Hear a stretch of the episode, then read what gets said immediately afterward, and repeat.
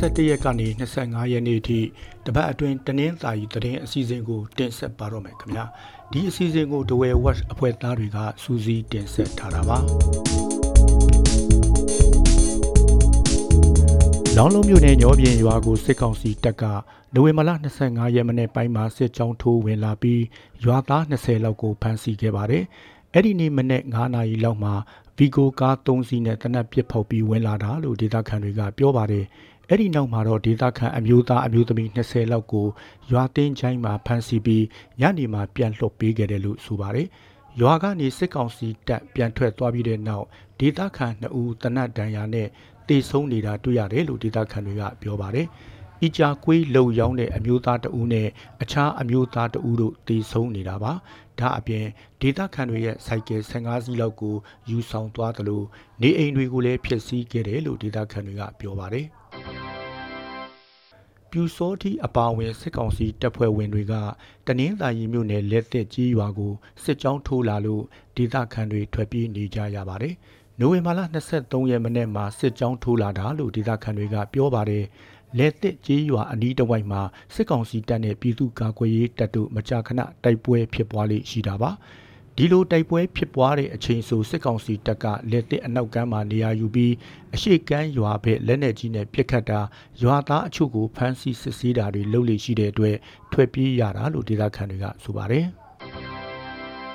ဒီတစ်ပတ်ကတော့တနင်္သာရီတိုင်းထဲအယက်သားတေဆုံးမှုအများဆုံးလို့ဆိုကြရမှာပါ။လောင်းလုံးမြို့နယ်ထဲမှာလည်းအသက်16နှစ်အရွယ်ကလေးတဦးအပါအဝင်အယက်သားတေဆုံးမှုများခဲ့ပါတယ်။ တပြားကျေးရွာနေအသက်16နှစ်အရွယ်မောင်အောင်ဝေရန်ကိုစစ်ကောင်စီတပ်ကပစ်တက်ခဲ့တယ်လို့ဒေသခံတွေကပြောပါတယ်။နိုဝင်ဘာလ20ရက်နေ့ကမောင်အောင်ဝေရန်နဲ့နှမဝမ်ခွဲဟာလောင်းလုံးမြို့ကိုစိုက်ကဲအတူစီးလာခြင်းစစ်ကောင်စီတပ်ကင်းလှည့်ကားနဲ့တွေ့ပြီးပစ်တက်ခံရတာလို့ဆိုပါတယ်။အဲ့ဒီနေ့မှာပဲ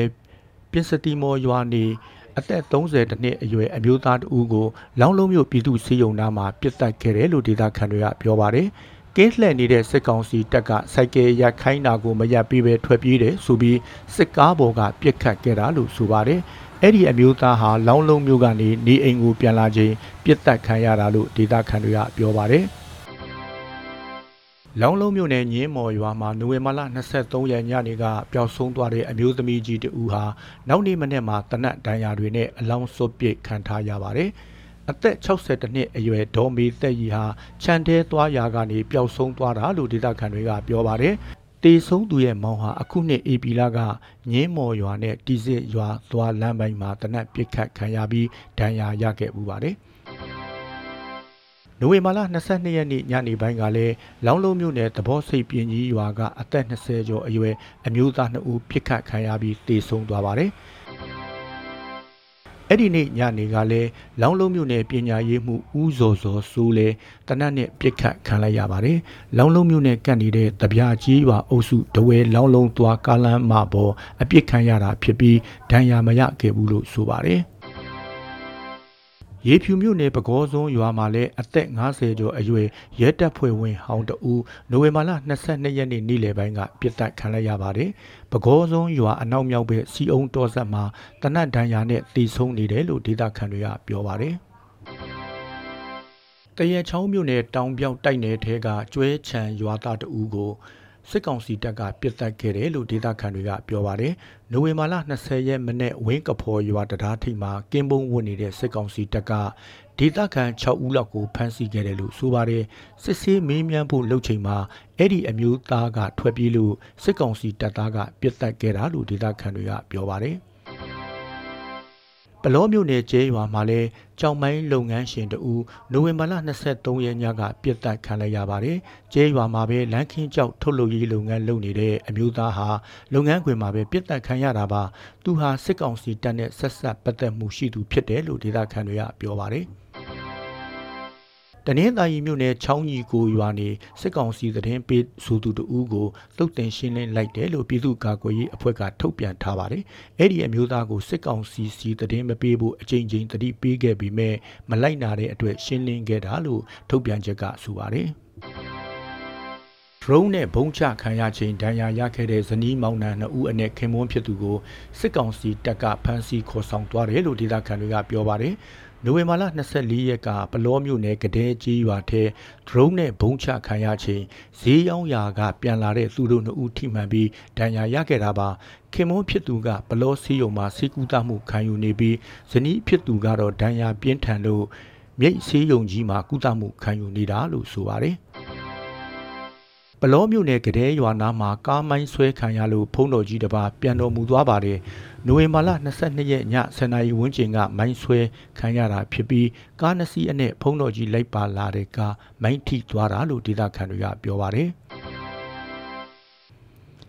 မြိတ်ခရိုင်ထဲကျွန်းစုနဲ့ပလောမြို့နယ်ထဲကဒီတောဧက4000ကျော်ကိုကျိုးပြင်ကာကွယ်တော်အဖြစ်သတ်မှတ်လိုက်ပါတယ်။ ကျွန်းစုမြို့နယ်ထဲကဧက3000ကျော်ရှိတဲ့မအိုင်ကျွန်းဒီရီတောနဲ့ပလောမြို့နယ်ထဲကဧက900ကျော်ကျဲတဲ့ကြောက်ကာအနောက်ကျွန်းကိုသတ်မှတ်လိုက်တာပါ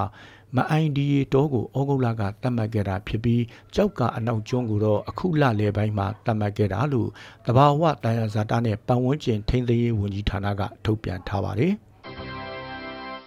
မြိတ်ဈေးခွဲမှာရောဘာဈေးနှုန်းဇက်တိုက်ကျဆင်းနေပါတယ်ရောဘာယာတီစတဲ့စက်တင်ဘာလကမှိုင်းခံရောဘာတပိတ်သားကိုကျပ်9500ဝန်းကျင်ရှိခဲ့ရာကအခုချိန်မှာတော့ကျပ်4200လောက်ပဲရှိတော့တာပါမှိုင်းခံရောဘာအပြင်ဂေါ်လီချေးခွက်ကတ်တွေလည်းဈေးကျနေတယ်လို့ရောဘာတောင်သူတွေကပြောပါတယ်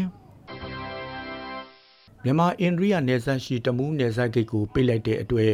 မြိတ်မှာကုန်ဒီဈေးတွေကျသွားပါတယ်။ တရားမဝင်အလုပ်သမားတွေဝင်ရောက်တာများလာလို့ဆိုပြီးတမူးမိုးရီနယ်စပ်ဂိတ်ကိုအခုလလယ်ပိုင်းကစပြီးအိန္ဒိယဘက်က3လကြာပိတ်လိုက်တာပါ။ဒေတာထွက်ကုန်ဒီကိုအဲ့ဒီနယ်စပ်ဂိတ်ကနေတစ်စစ်အိန္ဒိယသို့တင်ပို့ရောင်းချလေးရှိပါတယ်။နယ်စပ်ဂိတ်ပိတ်လိုက်တဲ့အတွက်ကွန်တီအသစ်ဈေးလဲတပိတ်သားကိုကျပ်6000ကနေ4000ဝန်းကျင်ပဲရှိတော့တာပါ။ ထိုင်းနိုင်ငံဘက်ကနေမြန်မာအလုသမား200ကျော်ကိုနိုဝင်ဘာလ22ရက်ကကော့တောင်းဘစ်သို့ပြန်လည်လွှဲပေးခဲ့ပါတယ်။သူတို့ဟာထိုင်းနိုင်ငံတောင်ပိုင်းမှာအကြောင်းမျိုးမျိုးနဲ့ပြစ်ဒဏ်ကြခံပြီးတဲ့သူတွေဖြစ်ပါတယ်။ထိုင်းနိုင်ငံရနောင်းမြို့လူဝင်မှုကြီးကြပ်ရေးထိန်းသိမ်းရေးစခန်းမှာထိန်းသိမ်းထားတဲ့မြန်မာရွှေပြောင်းအလုသမားတွေကိုတလနှစ်ကြိမ်နှုံးနဲ့ပြန်လွှဲနေတာပါ။ အခုလိုနားဆင်ပေးကြတဲ့အတွက်ကျေးဇူးအထူးတင်ရှိပါတယ်ခင်ဗျာသောတာရှင်များကျမ်းမာချမ်းသာပြီးကပ်ဘေးအပေါင်းမှဝေးနိုင်ကြပါစေလို့တဝဲဝက်ဝိုင်းတော်သားများကဆုမွန်ကောင်းတောင်းလိုက်ပါတယ်ခင်ဗျာ